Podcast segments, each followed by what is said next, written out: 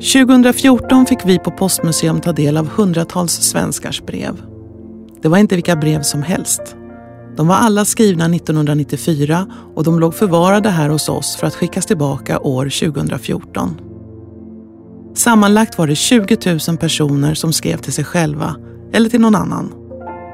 Många skrev sina brev under Vattenfestivalen i Stockholm där Postens ungdomstidning OSA hade ett tält.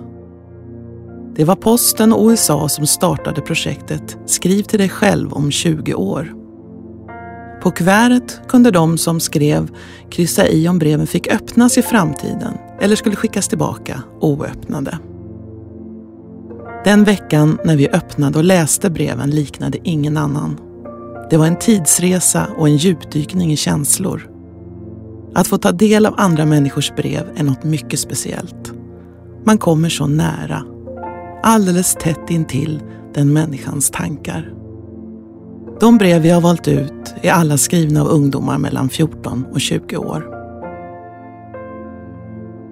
Jag heter Hedvig Bruseus och arbetar som utställningsproducent på Postmuseum.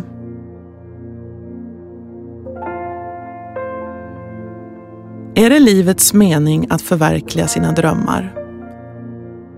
Den frågan ställer sig 15-åriga Jonna i brevet som följer strax.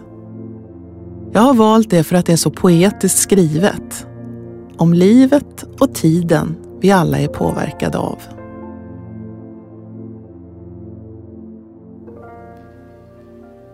–94 08 22. Jag undrar vad som har hänt med mina drömmar och förväntningar när jag som 35-åring öppnar det här brevet. Har jag ändrats mycket som person? Det hoppas jag inte.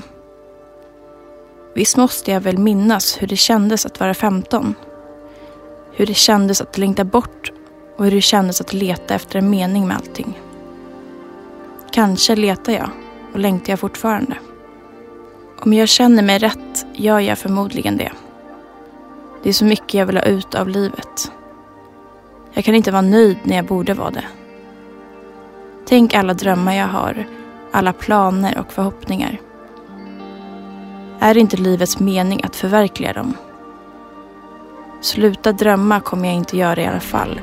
Och skulle jag göra det skulle mitt liv inte vara så mycket. Fast jag tror inte livet har en mening. Nej, det finns många och de får man skapa själv. Jag lever i ett vakuum och vet varken ut eller in. Och ändå vet jag visst. Det är inte tomt. Hur ska jag kunna beskriva? Det känns som en lång väntan. Tiden går så långsamt och ändå så snabbt. Allt är så mycket så jag inte kan hålla reda på det. Men ändå är det så lite så jag skriker efter mer. Jag har tappat kontrollen. Kan jag göra något annat än vänta? Hälsningar Jonna, årgång 94.